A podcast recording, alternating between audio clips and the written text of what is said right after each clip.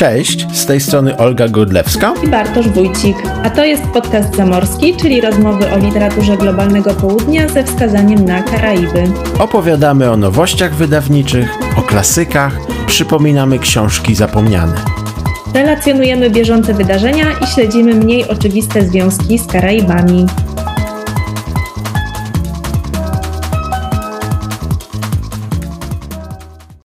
Tak oto po długich zapowiedziach usłyszeliście, usłyszałyście no, historyczne nagranie. Mamy już ten jingle. W ósmym odcinku po realnie prawie pół roku działalności, bo zaczynaliśmy nieregularnymi odcinkami, a teraz przypominamy co drugą środę premierowy odcinek podcastu zamorskiego. To nagranie przybyło do nas drogą transatlantycką, bo nagrał je, wyprodukował, skomponował, wymyślił Stefan Walcott i niech was nie zmyli międzynarodowe imię Stefana, bo nazwisko Walcott jest bardzo karaibskie. To nazwisko noblisty, ale też muzyków z Barbadosu. I jednym z tych muzyków jest Stefan. Na co dzień jest kulturoznawcą, który uczy na lokalnym uniwersytecie tym na Uniwersytecie Indii Zachodnich, ale też takim, w takim koledżu, który jest nakierowany na pomoc edukacyjną osobom na przykład o niższych dochodach. E, uczy muzyki, uczy kompozycji, uczy też kulturoznawstwa, ma stronę, którą podlinkujemy, gdzie często pisze w formie takich notatek blogowych o muzyce z Karaibów. I ten jingle, który zaczyna się spokojnie, a później przyspiesza, jest bardzo karnawałowy. Jest to jingle utrzymany no, w takiej roztańczonej soce. Soka jest następstwem kalipso, soka jest muzyką taneczną, imprezową, bardzo zabawową i czasami bardzo huczną. I jest tam instrument, który ma bardzo ciekawą przeszłość, bo powstał przez przypadek. To znaczy, chodziło o to, że na Trinidadzie była kultura muzyczna, oczywiście od wieków, ale nie było dostępu do instrumentów. I udało się wymyśleć tak naprawdę nowy instrument na bazie lokalnych materiałów, a tymi lokalnymi materiałami były i są beczki, metalowe beczki do e, przechowywania i transportu ropy, bo Trinidad jest też producentem i eksporterem ropy. I żeby nie przedłużać, tylko tak zapowiem, że w jednym z najbliższych odcinków będziemy mieć krótką relację też z Londynu, gdzie w tym momencie przygotowywana jest pierwsza barbadoska opera i tam jest też libretto bardzo literackie i w tej operze też swoje kompozytorskie palce macza Stefan Walcott jako konsultant właśnie wyspiarski e, muzyki i aranżacji. To oczywiście jest wspaniały wstęp, bo powiedziałem o wszystkim, tylko nie powiedziałem, jak ów instrument się nazywa.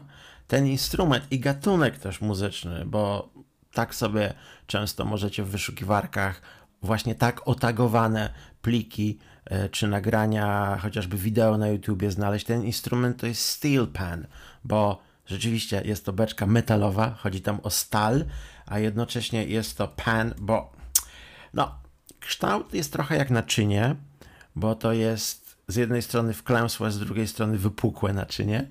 E, naczynie, e, które jest instrumentem perkusyjnym, jest to tak naprawdę instrument, który nadaje się świetnie do gry solo, nawet wirtuozerskiej, ale też do gry wielozespołowej, nie tylko jedna orkiestra, ale też orkiestry, które ze sobą konkurują, bo taka rywalizacja na Trinidadzie i nie tylko, ale no Trinidad jest największą wyspą, która się specjalizuje w steel panie, odbywa się regularnie, przynajmniej w czasie karnawału, ale też poza głównym festiwalem. Regularnie można posłuchać. Ten instrument się zmienia, bo jeszcze jedną rzecz taką dopowiem, jest w różny sposób strojony i wspomniany Stefan Walcott w pewnym momencie ze swoim zespołem nagrali karaibską wersję znanego barokowego oratorium Händla.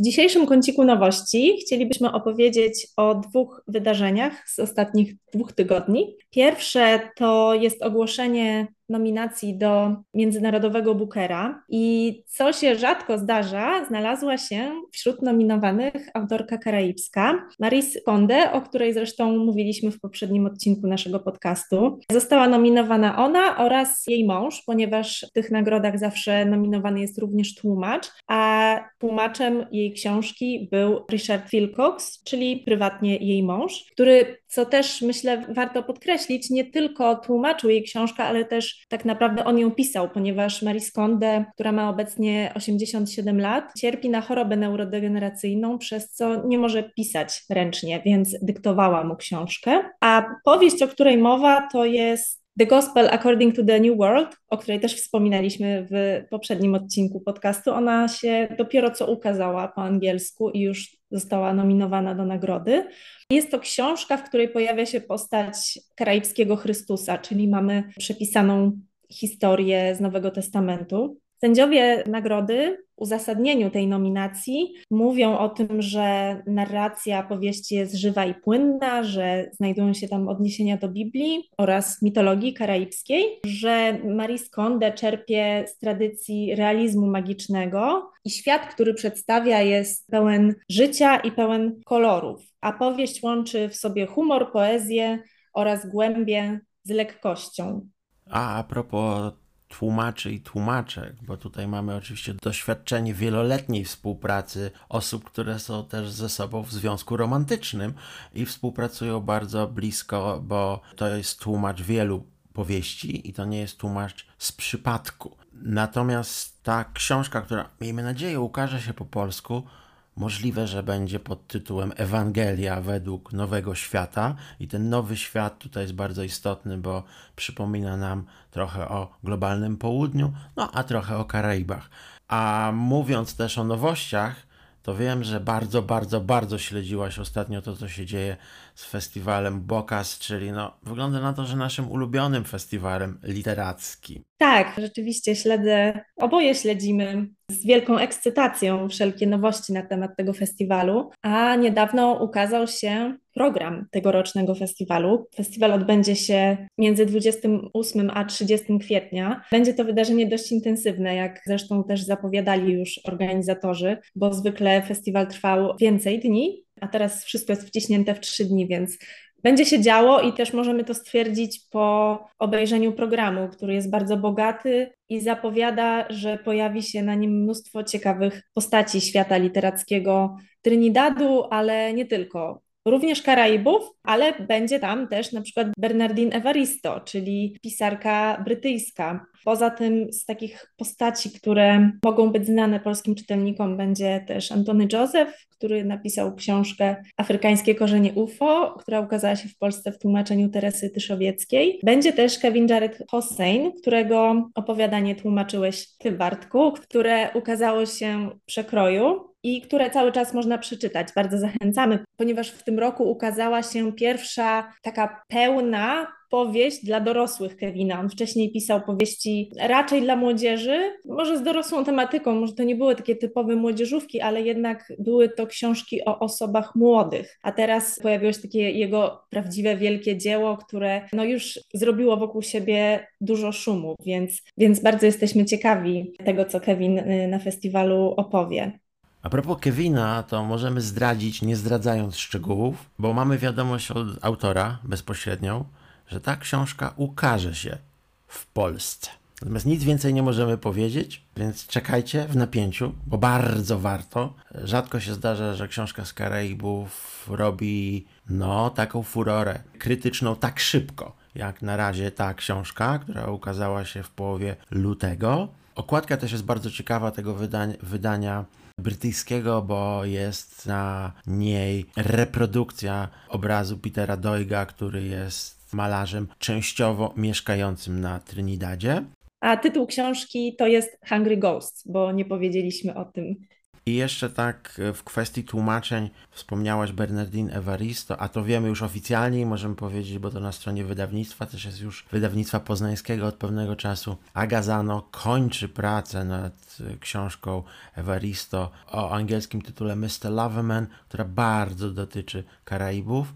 Jest tam osoba bohaterska związana z Antigą, Więc e, no, zachęcamy jako podcast zamorski. Ja miałem możliwość spojrzeć trochę na ten przekład Agi, której jestem bardzo za to wdzięczny i gratka się szykuje. Drugiego dnia festiwalu tradycyjnie już zostaną rozdane nagrody Bokas. Nagrody w trzech kategoriach: poezja, proza i non-fiction. Plus zostanie też wyłoniony taki jeden ogólny zwycięzca. Osoby w Polsce będą mogły obejrzeć cały festiwal online, ponieważ on jest udostępniany na YouTubie i na Facebooku. I potem też jest dostępny przez dość długi czas, więc będzie można się spokojnie y, zapoznać z całym przebiegiem. My na pewno też poświęcimy jeden odcinek podcastu, żeby opowiedzieć o tym, co się działo na festiwalu, zarówno jeśli chodzi o panele dyskusyjne, jak i o nagrodę. I przy okazji też zachęcamy, żeby przesłuchać nasz odcinek podcastu, który poświęciliśmy londyńskiej edycji festiwalu Bokas, na którym byliśmy w ubiegłym roku. To była taka mniejsza wersja festiwalu, ale całkiem dobrze oddawała charakter tego wydarzenia. To była, tak jak mówisz, mniejsza edycja, londyńska edycja Bokasu, ale z tej względnie małej udało nam się cały, bardzo długi odcinek wyprodukować. To wszystko były zapowiedzi, natomiast głównym tematem dzisiejszego odcinka jest Kuba, ale Kuba trochę tak zapośredniczona przez Hiszpanię, a tak naprawdę zapośredniczona przez Katarzynę Okrasko, tłumaczkę, tłumaczkę, która na język polski przetłumaczyła m.in. prozę Claudii Pineiro, ale też takie sążniste książki Roberto Bolaño, jest to tłumaczka z języka hiszpańskiego i portugalskiego i dzięki niej mogliśmy przeczytać przedpremierowo książkę Cukier, którą napisała autorka do tej pory w Polsce zupełnie nieznana, autorka, którą opublikowało wydawnictwo Artrage, któremu jesteśmy niezmiernie wdzięczni, bo nie dość, że przeczytaliśmy przedpremierowo, to jeszcze udało nam się i tutaj już fanfary zaprosić jako gościnie właśnie Katarzynę Okrasko, która zgodziła się odpowiedzieć na kilka pytań. Natomiast książka, o której tak mówię długo, nie zdradzając jej autorki, to Cukier Bibiany Candy. Jest to autorka z północy Hiszpanii, autorka z Galicji. I to jest trochę dla nas podobna sytuacja jak w przypadku Audrey Lord, kiedy dzięki wydawnictwu Feymart udało nam się wcześniej porozmawiać i z tłumaczką, i z wydawczynią. W tym przypadku również nie spotkaliśmy się niestety w jednym pokoju, w jednym miejscu, ale tłumaczka nagrała swoje opowieści o recepcji książki w Hiszpanii i w krajach hiszpańskojęzycznych. Opowiedziała nam też o genezie, to znaczy dlaczego sama się zainteresowała pomysłem przetłumaczenia tej książki. No i na końcu usłyszycie o jej strategii tłumaczeniowej, o pomysłach przekładowych, no i jak ta książka, która w większości jest napisana po hiszpańsku, ale ma też począwszy od tytułu takie wtręty z języka galicyjskiego, była przez nią tłumaczona. Dzień dobry.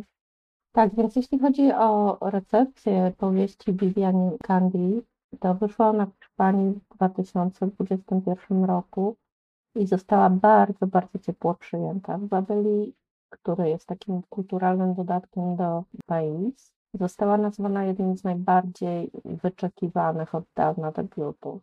Bo tutaj należy podkreślić, że autorka miała ze sobą już tomiki poetyckie, ale jest to jej prozatorski debiut. Ta powieść została mi podsunięta przez wydawców wydawnictwa Artrage, czyli Michała Michalskiego i Krzysztofa Cieślika, którzy mają takie doskonałe oko na ciekawe, nieszablonowe książki i nie boją się ich wprowadzać na polski rynek. Dostałam od nich oryginał i natychmiast się w tej książce zakochałam. Zakochałam się w jej języku poetyckim właśnie, ale też w tematyce bo uważam, że Galicja jest mało znanym polskiemu czytelnikowi regionem Hiszpanii i na pewno należy to zmienić, bo to jest miejsce bardzo ciekawe. A dodatkowo bardzo ciekawy wydał mi się ten przeskok przez ocean i zderzenie magii galicyjskiej z magią typowo kubańską, z orisza, z kultami opętania. No właśnie to, że świat przedstawiony jest tak szeroko rozpostarty, mimo maleńkiej objętości książki, też bardzo zwróciło moją uwagę. No i teraz pytanie o kuchnię przekładu. Wiedzą Państwo, to nie jest tak, że tłumacz czyta książkę i myśli sobie, o, to ja sobie stosuję takie strategie tłumaczeniowe, robię ich listę i pojedziemy, tak? Tak ten proces kuchni w ogóle nie wygląda. Książkę, czyta się ją, zaczyna się tłumaczyć, pewne fragmenty zostawia, zwłaszcza te na początku, zanim człowiek wejdzie w rytm i w styl, to trochę czasu może upłynąć, a potem się do nich wraca. Myślę, że w ogóle wszyscy my, którzy tłumaczymy, mamy z tyłu głowy te strategie przekładowe przez cały czas. Ale przekład to jest zdanie po zdaniu taki nieustanny wysiłek interpretacji i zastanawiania się, co w tym tekście jest najważniejsze, co ja muszę ocalić, a co y, może umknąć, a co mogę skompensować w inny sposób i z czego absolutnie nie mogę zrezygnować. I wydawało mi się tak po pierwszej lekturze cukru, że, y, że tymi dominantami jego jest poetycki język, płynność tej opowieści, która płynie właśnie jak dobry wiersz. Mm, to, że czytelnik oryginału jest blisko bohaterów, momentami siedzi im w głowie. No i właśnie ta galicyjskość, specyfika galicyjska i specyfika kubańska na różnych poziomach. I kiedy myślę o galicyjskości, to mnie mam w głowie wtręty językowe, które trzeba było jakoś zamarkować. One są czytelne dla czytelnika hiszpańskiego, natomiast dla polskiego nie byłyby, więc tutaj trzeba zamarkować gwary czy odmienny język. Natomiast wydawało mi się, że, że najważniejsza jest właśnie kultura tego regionu i to myślenie magiczne, które jest takim stereotypowym, ale tu bardzo ciekawie wprowadzonym elementem tej kultury. I to przede wszystkim starałam się oddać. No tu chciałabym dodać, że ogromnie pomogła mi w tym Agnieszka Budnik, która redagowała ten tekst i mam wrażenie, że nadawałyśmy na podobnych falach i podobnie go oddała. Na pewno bez niej ten polski przekład wyglądałby dużo gorzej. Dziękuję. I tutaj powiem jeszcze o dwóch rzeczach. Mamy dwie korespondentki dzisiaj, hiszpańskojęzyczne. Jedną korespondentką hiszpańskojęzyczną jesteś ty, Olgo, bo dzięki tobie udało nam się przesłuchać podcastu, który nazywa się Klub de Lektura podcast, w którym po hiszpańsku rozmowa z autorką była prowadzona, a drugą hiszpańską języczną korespondentką jest, uwaga, uwaga, dr Małgorzata Poprota. Kto wie, to wie. Natomiast dzięki niej e, mamy, e, no takie powiem, sążniste notatki z tego podcastu i będziemy też korzystać z tego źródła, bo to była książka wydana niedawno, dwa lata temu w Hiszpanii i ona na przykład do tej pory jeszcze w ogóle nie funkcjonuje w języku angielskim, więc nie mamy informacji takich najbardziej typowych dla podcastu zamorskiego, czyli właśnie anglojęzycznych. Jak wiecie, podcast zamorski zajmuje się głównie literaturą karaibską i trochę szerzej tak literaturą globalnego południa. No, natomiast tak technicznie, jeżeli patrzymy przez biografię autorki, to to jest książka hiszpańska. To jest książka galicyjska, czyli z północy Hiszpanii, z tego regionu, który no, ekonomicznie przez stulecia był e, regionem zubożałym. Natomiast to jest też książka kubańska, bo jednak opowiada o migracji na Kubę, opowiada o tym, jak też osoba z Galicji, o której więcej za moment, otworzyła swój wielki biznes na tej wyspie i w rezultacie też wykorzystała bardzo dużo osób, które szukały na Kubie e, nowego życia i szansy. Natomiast Kuba, jako wyspa karaibska, wydaje się, że z jednej strony ma dość taką szeroką, mimo że też stereotypową recepcję w Polsce. No bo mamy komunizm, mamy Fidela Castro jako ikonę, mamy oczywiście produkty związane też e, z systemem plantacyjnym, czyli rum, cygara, mamy bardzo zorganizowaną turystykę. Jednocześnie wydaje się, że to jest najbardziej opisana z Wysp Karaibskich po polsku, najbardziej też znana. Mamy współpracę historyczną między blokiem wschodnim a krajami globalnego południa, o których też trochę Johnny Pitts w Afropejczykach pisze. Polecamy przy okazji szósty odcinek Zamorskiego, gdzie my z Olgą o Afropejczykach wiele mówimy i o naszych wrażeniach z lektury. Kuba nawet znalazła się w jednym z odcinków, w jednej z ksiąg przygód Tytusa, Romka i Atomka. Więc ona nie jest tak nieznana jak Wyspy Karaibskie, które w nazwach mają świętych, czyli świętego Vincenta, świętej Łucji czy St. Kitts. Natomiast mamy też e, wiele książek o Kubie. To znaczy nie tylko cukier, który od teraz jest dostępny po polsku, ale książki takie, które są literaturą faktu. Tak pomyślałem, że cztery które w ostatnich latach się ukazały i mówiąc w ostatnich latach to tak naprawdę dekada, warto sobie tak, wiem, przypomnieć, więc wrzucimy też do opisu. Dowody na istnienie wydały książkę Krzysztofa Hinca, Kuba, Syndrom Wyspy. Taką bym powiedział dość klasyczną książkę reporterską. Podobną książką jest Diabeł umiera w Hawanie Macieja Stasińskiego. Natomiast myślę, że o wiele ciekawsze z perspektywy naszej, czyli literackiej, perspektywy podcastu zamorskiego jest książka zresztą literaturoznawczyni Klementyny Suchanow, ale jest to książka reporterska, jest to też książka m.in. o Gombrowiczu, choć dotyczy Kuby i nazywa się Królowa, nazywa się Królowa Karaibów. I jest jeszcze książka o migracji, o relacji Kuby z Miami, więc relacji wyspy z stanem karaibskim Stanów Zjednoczonych, Florydą. E, autorką jest Joanna Schindler. Książka się nazywa Kuba, Miami, ucieczki i powroty wydawnictwa poznańskiego. Książkę Stasińskiego wydała Agora, książkę Klementyny Suchanów wydawnictwo Zysk. Szczegóły jak zwykle znajdziecie w opisach. Ja mówię o tych książkach, bo z tej mnogości one mnie szczególnie wydają się takie warte zainteresowania, bo są różne, nie są jednoznaczne, nie są też jednostronne, nie są tendencyjne. Natomiast jeśli czytacie oczywiście po hiszpańsku, to ta literatura jest no, niekończąca się, e, jest dostępna.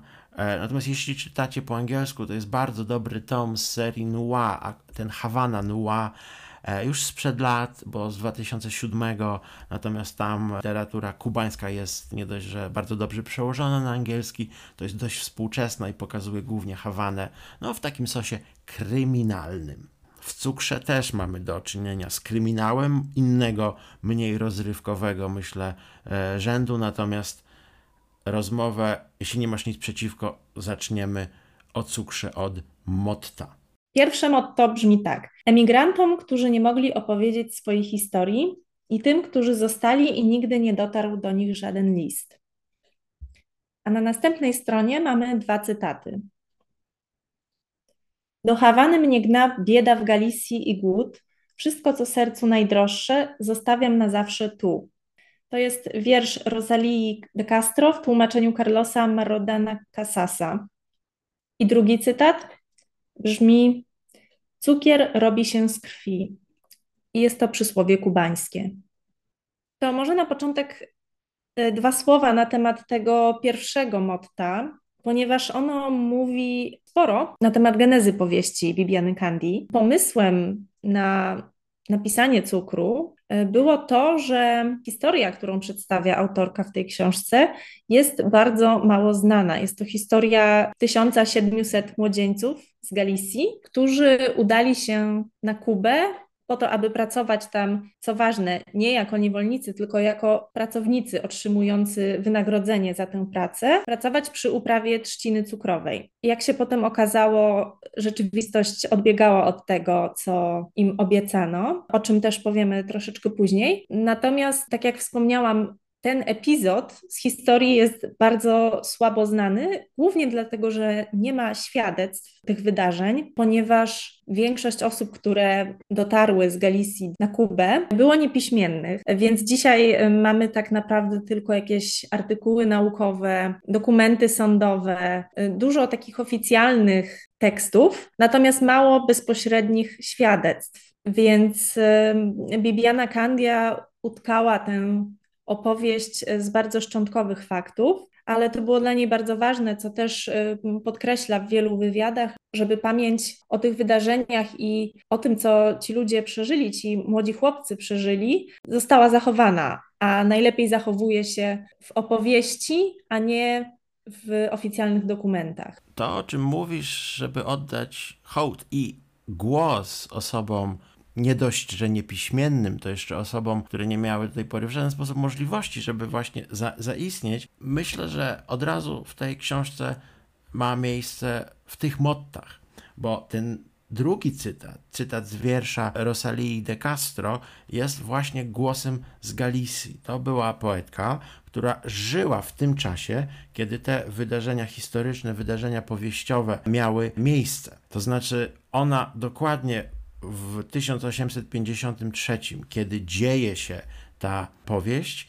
no, była już e, początkującą autorką. Rosalia de Castro, która była też autorką dwujęzyczną, bo pisała po galicyjsku i po kastylijsku. No, jest pisarką języka właśnie lokalnego i języka hiszpańskiego dominującego. Nie jest po prostu przy, przy, przypadkową tutaj postacią, jest postacią e, ikoniczną.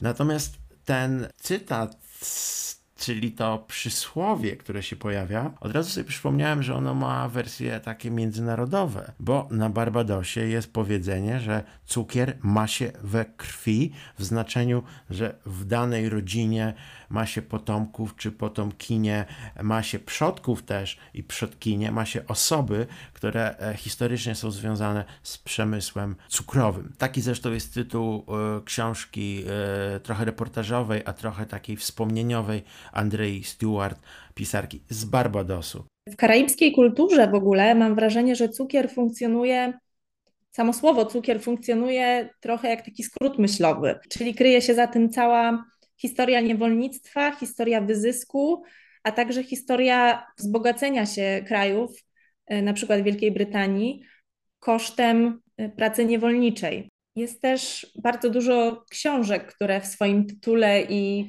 w historii, którą opowiadają, mają właśnie ten cukier. Jest to na przykład The Taste of Sugar, The Coast of Sugar i A Tall History of Sugar, które dzieją się odpowiednio na Portoryko, Surinamie i na Jamajce. Czyli mamy przekrój przez różnych kolonizatorów na Karaibach, to raz. A dwa, no wszędzie pojawia się ten motyw uprawy trzciny cukrowej, no, który jest, jak łatwo się domyślić, bardzo istotnym elementem historii krajów karaibskich. Tak jak mówiłaś, że jest bardzo dużo książek z różnych wysp karaibskich, gdzie w tytule pojawia się cukier, tak jest multum książek, gdzie po prostu historia jeśli nawet nie gra pierwszych skrzypiec, to jest bohaterką opowieści.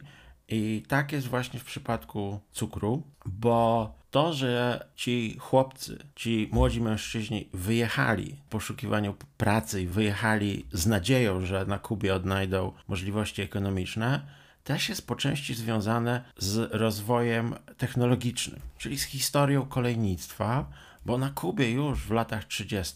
XIX wieku pojawiły się tory i pojawiły się pociągi, które woziły głównie właśnie trzcinę cukrową i produkty, które były wytwarzane, produkty rolnicze. I takie miasta jak Hawana, Santa Clara, Cienfuegos były już połączone. Natomiast jak w latach 50. pojawili się zbiorowi bohaterowie cukru na Kubie, to jeszcze przez 30 lat na wyspie oficjalnie istniało niewolnictwo. I mówimy o tym, bo w Imperium Brytyjskim już w owym czasie od pół wieku niewolnictwo nie było legalne. Również w Stanach Zjednoczonych to jest ten moment, mówimy o latach 80. XIX wieku, gdzie po wojnie secesyjnej bardzo mozolnie, stopniowo i z dużym oporem wprowadzane są prawa, które mają docelowo jak wiemy, dopiero w XX wieku, powoli, powoli, powoli, powoli zrównywać prawa wszystkich obywateli i obywatelek. Natomiast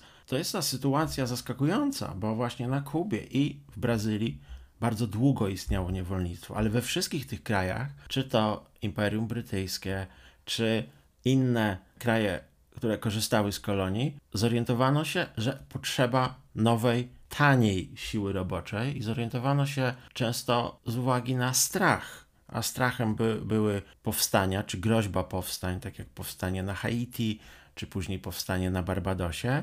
I z tego też powodu firmy, które zajmowały się obrotem, produkcją towarów kolonialnych, zaczęły zapraszać osoby znowu głównie niebiałe, osoby spoza Europy, czyli na przykład z Chin czy z Indii, jak w przypadku Karaibów i szczególnie Karaibów Wschodnich. Z Chin to w Stanach Zjednoczonych kolej powstawała bardzo często dzięki pracy osób z Chin. Natomiast na Kubie miano taki no rasistowski też pomysł, bo chciano wybielić mieszkańców i chciano też zmniejszyć liczbę osób pochodzenia afrykańskiego, żeby też nie rosła w siłę jako populacja, która właśnie mogła się zbuntować.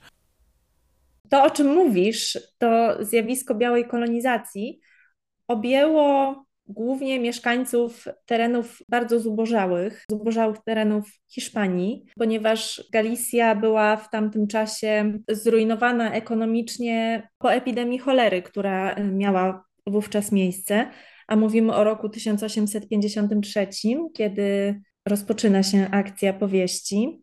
I osoby, które zdecydowały się na tę wyprawę na Kubę, e, to byli młodzi chłopcy, którzy zostali zwabieni wizją zarobienia pieniędzy, nawet nie tyle, że zrobienia fortuny, co po prostu uzyskania środków, które wyciągną ich z głodu. Więc to była ucieczka przed skrajną biedą, a Kuba była dla nich trochę jak amerykański sen, czyli jako taka odległa kraina, która może przynieść im bogactwo, a oni sami no, nie mieli tak naprawdę za bardzo nic do stracenia, bo alternatywą było życie w nędzy w miejscu, w którym się urodzili, więc wyruszyli na Kubę pełni nadziei, też trochę takiej naiwności, ale no pamiętajmy, że jednak były to inne warunki rozprzestrzeniania się informacji i wielu wieści, które do nich dotarły, oni po prostu też nie mogli zweryfikować, więc wierzyli w to, co słyszeli. Mówisz o głodzie, a to jest jeden z głównych tematów też tej powieści, szczególnie na początku, powraca i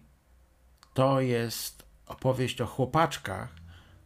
Część z nich, bo tak są też nazywani przez tłumaczkę, tak są tłumaczeni i część z nich jest jeszcze w trakcie dojrzewania, to znaczy ich potrzeby y, cielesne się zmieniają, potrzeby kaloryczne są dość duże i na samym początku mamy taki cytat, który dokładnie opowiada, co im się działo, jaka ich była co dzienność właśnie fizyczna. Dwa krótkie cytaty. Suchotnik umie ukrywać kaszel i maskować go pauzami podczas mówienia, jakby nie chciał się chwalić chorymi oskrzelami, czyli część z nich była po prostu niezdolna do pracy. I drugi cytat. Orestes jest też głodny, ale o tym nie wspomina, bo powiedzieć, że jest głodny, to tak jak powiedzieć, że jest obudzony. To poszukiwanie lepszego życia na Kubie, nie chcemy zdradzać dużo, no ale krótko mówiąc, nie kończy się dobrze dla bohaterów powieści. I myślę, że w tym kontekście warto wspomnieć, że oni pojawili się na Kubie na zaproszenie wystosowane przez polityka i biznesmena, który przebywał wówczas na Kubie, ale sam również pochodził z Galicji, więc to też myślę jest tutaj istotne, że on niejako zaprosił mieszkańców tego samego regionu do współtworzenia tego projektu białej kolonizacji, tak naprawdę z pełną świadomością tego, co ich tam czeka. A to jest w ogóle postać historyczna. On się nazywał Urbano Feijo Sotomayor i posiadał plantację trzciny cukrowej na Kubie. Nie mówiąc zbyt dużo o tym, co tej napakowanej emocjami, ale jednak dość krótkiej powieści znajdziecie, Możemy chyba też dodać, że ta cała sprawa skończyła się wielkim skandalem i mamy dane historyczne, że de Sotomayor musiał zwinąć interes, wrócił z powrotem do Galicji i tam żył.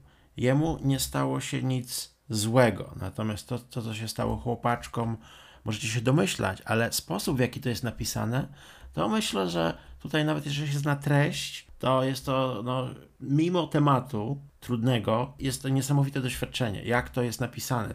E, przede wszystkim to, co też mnie dość mocno zaskoczyło podczas czytania, to ta historia jest podzielona na trzy etapy podróży, którą odbywają chłopcy. Pierwszy etap no to jest oczywiście jeszcze Galicja, który trwa dosyć długo, bo on obejmuje te wszystkie przygotowania przed podróżą, pozwala zapoznać się z sylwetkami głównych bohaterów, którzy się tam wybierają. Poznajemy też ich sytuację rodzinną, sytuację społeczną, a także ich motywację, to co ich pcha do tego, aby wyjechać. Potem mamy etap podróży transatlantyckiej, która sama w sobie jest bardzo trudnym doświadczeniem dla osób, które nigdy takiej podróży nie odbywały wcześniej i przedstawione są wszystkie okoliczności bardzo nieprzyjemne zazwyczaj, które towarzyszą tej podróży, czyli na przykład złe samopoczucie na pokładzie, przerażenie, które wzbudza doświadczenie sztormu, takie aspekty higieniczne życia na, na statku, czyli jakieś choroby, obecność szczurów, e, Sprawa również żywienia. Tutaj ten, ten motyw głodu bardzo mocno się przewija przez e, całą powieść. No i ostatecznie pojawia się Kuba. Na początku przybysze z Galicji są bardzo ciepło i radośnie przywitani w Hawanie, dostają też nowe ubrania, które mają im służyć później podczas pracy, a następnie zostają przetransportowani w głąb wyspy, już do miejsca docelowego, gdzie znajduje się plantacja trzciny cukrowej. No i tutaj już dzieją się rzeczy, y, których nie chcemy streszczać, żeby nie zdradzić za dużo z tego, co się dzieje w powieści. Natomiast co jeszcze myślę warto podkreślić, to to, że ta książka jest bardzo poetycka. Mimo, że jest krótka, skupia się na detalach i na dokładnym opisaniu przeżyć, które towarzyszą bohaterom podczas tej podróży. Bibiana Kandia często pisze też o takich aspektach duchowych. Mamy tam towarzyszącego chłopcom kapelana, który wprowadza taki motyw do powieści, ale też mamy na przykład bohaterów zwierzęcych, co wydaje mi się bardzo interesujące tutaj, ponieważ pojawiają się na przykład woły, muły, pojawiają się też konie i te zwierzęta obserwują oczywiście naszych bohaterów y, ludzkich i mają też takie swoje przemyślenia na temat tego, co widzą. I co wydaje mi się takie ujmujące w tej powieści, to jest to, że te zwierzęta są pełne empatii do ludzi. Tutaj mam cytat akurat o mułach. Muły szepczą po nocach. Mimo, że są zmęczone, zasypiają później niż chłopcy. Współczują im, bo zwierzęta pracujące są najlitościwsze. Nikt nie wie lepiej od nich, jak to jest, kiedy nie masz gdzie odpocząć po tym, gdy zrzucisz z siebie dźwigany ciężar. Ze wszystkich otaczających nas stworzeń, to one są najbardziej podobne do męczenników, do Syzyfa, do niewolnika. To ja tak trochę w kontrze do ciebie bo to w żaden sposób, oczywiście, i ty o tym też nie mówisz w ten sposób, ale to nie jest w żaden sposób powieść pastoralna, to nie jest w żaden sposób opowieść idyliczna, bo są też zwierzęta brutalne. To znaczy, jak popatrzymy na imiona bohaterów, to ci chłopaczkowie często są naznaczeni czymś. No bo mamy suchotnika, który jest naznaczony chorobą płuc, ale mamy też bohatera, który był zjedzony. To znaczy, on w oryginale jest jako El Comido, natomiast e, w tłumaczeniu mamy bohatera, który nazywa się Zjedzony, a konkretnie Zjedzony Jose. I są też inni bohaterowie, jak na przykład Tras del Rio, który nie jest przetłumaczony, jest po prostu takim im imieniem e, hiszpańskim, które oznacza za rzeką. Natomiast wracając do zjedzonego i do zwierzęcia, w pewnym momencie pojawia się cytat. To znaczy, jeszcze w Galicji jest sytuacja, no, z dzieciństwa zjedzonego, kiedy jeszcze nie był zjedzony, i jego brata. I jeśli nie lubicie brutalnych opisów, to to jest moment, żeby myślę najbliższe 40 sekund ominąć naszego podcastu. Bo przeczytam fragment, który jest dość brutalny, ale pokazuje, jak było w, w sytuacji, kiedy głód doskwierał ludziom i zwierzętom. Zjedzony Jose ma brata bliźniaka, identycznego brata, którego świnia nie zaatakowała, bo w tamtej chwili matka miała go na rękach, udało jej się tylko kopnąć zwierzę w ryj i pozwolić odejść z ciałem drugiego chłopca w zębach.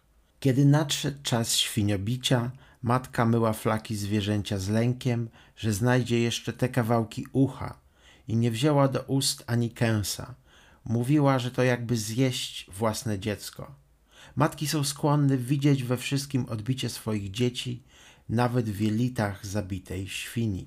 Ale też nie chciałbym, żeby to tak jednoznacznie była ani książka ultra brutalna, ani książka, która w pewien sposób jest przesłodka, bo to ten cukier z tytułu jest i słony, i cierpki, i gorzki. Natomiast ludzie też bywają porównywani do zwierząt i skoro o chłopaczkach, to jeszcze jeden cytat o nich. Nasłuchuję kamiennym uchem okrzyków chłopaczków, zbijających się w kubkę jak źrebaki, które równie dobrze mogą się wzajemnie ogrzewać, jak wzajemnie pokopać. Jako, że bohaterami są głównie młodzi chłopcy czy dorastający mężczyźni, no to, to też jest książka właśnie o dorastaniu. To jest też książka o emocjach, to jest też książka o rolach społecznych i o takim konserwatywnym podziale na to, co należy robić publicznie, czego nie należy robić publicznie. Mówię tu głównie o okazywaniu uczuć. To jest też taka perspektywa, którą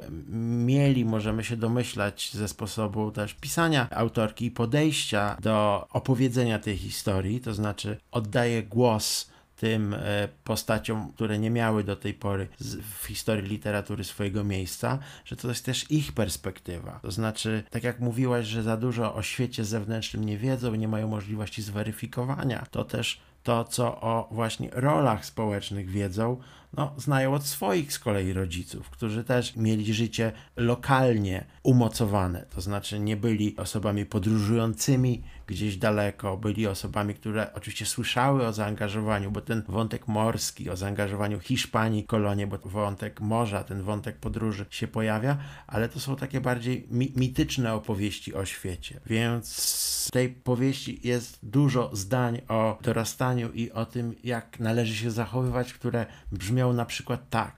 Płakać jest wstyd, kobiety i dzieci płaczą, ale chłopak, który zajął miejsce swojego starszego brata, musi powstrzymać się od łez. To jest bardzo, bardzo takie tradycyjne podejście, no, które pewnie też się przyczyniło do tego, co się wydarzyło tym chłopaczkom na Kubie, bo na przykład mieli stać się żywicielami e, rodzin i mieli też dzielić się tym, co zarobią z osobami, które pozostały w Galicji. Czy tak się stało? To już musicie się dowiedzieć czytając cukier. Dzisiejszy odcinek e, bardzo możliwe, że jest e, dłuższy, a mówimy to jeszcze przed edycją. Dlatego możliwe, że jest dłuższy, że do tego odcinka bardzo wiele osób dołożyło swoją kostkę cukru, bo chcielibyśmy podziękować oczywiście wydawnictwu Artrage, tłumaczce Katarzynie Okrasko, chcielibyśmy podziękować naszej hiszpańskojęzycznej korespondence Małgorzacie Paprocie, chcielibyśmy bardzo podziękować też sobie nawzajem, bo udało nam się w tym tygodniu nagrać ten odcinek, ale też udało nam się w końcu pierwszą książkę hiszpańskojęzyczną i to premierowo przeczytać i o niej opowiedzieć. Więc bardzo dziękuję, Olgo, bo jesteśmy już po półroczu, wygląda na to, wspólnej działalności. I oczywiście Wam dziękujemy, bo mamy sygnały, że ta tematyka jest Wam bliska, że dzielicie się odcinkami, że dołączacie do naszej społeczności, a społeczność też staramy się budować mniej więcej co miesiąc, bo każdy odcinek co dwa tygodnie, natomiast mniej więcej co miesiąc spotykamy się w klubie kameralnym, karaibskim, który już możemy powiedzieć od nowego spotkania będzie się nazywał Zamorskim Klubem Czytelniczym. Ale o tych zmianach i o nowym logotypie następnym razem. Tak więc zapraszamy. Spotykamy się za niecałe dwa tygodnie. 3 kwietnia o godzinie 19 online i będziemy rozmawiać o frankofońskiej powieści Niedziela 4 stycznia, którą napisał Lionel Trujillo z Haiti, a przetłumaczył Jacek Giszczak. Z Lublina. Naprawdę. tak, chcę, żeby to zostało. Jeśli słuchacie nas na platformach streamingowych, które umożliwiają ocenę, to poprosimy o jak najwyższe noty. Jeśli słuchacie nas gdziekolwiek indziej, to aby Wam się po prostu dobrze słuchało. Tego Wam chyba życzymy na koniec, bo my wracamy niebawem, za dwa tygodnie. Tak jest. Do zobaczenia, do usłyszenia już niebawem. Cześć. Cześć.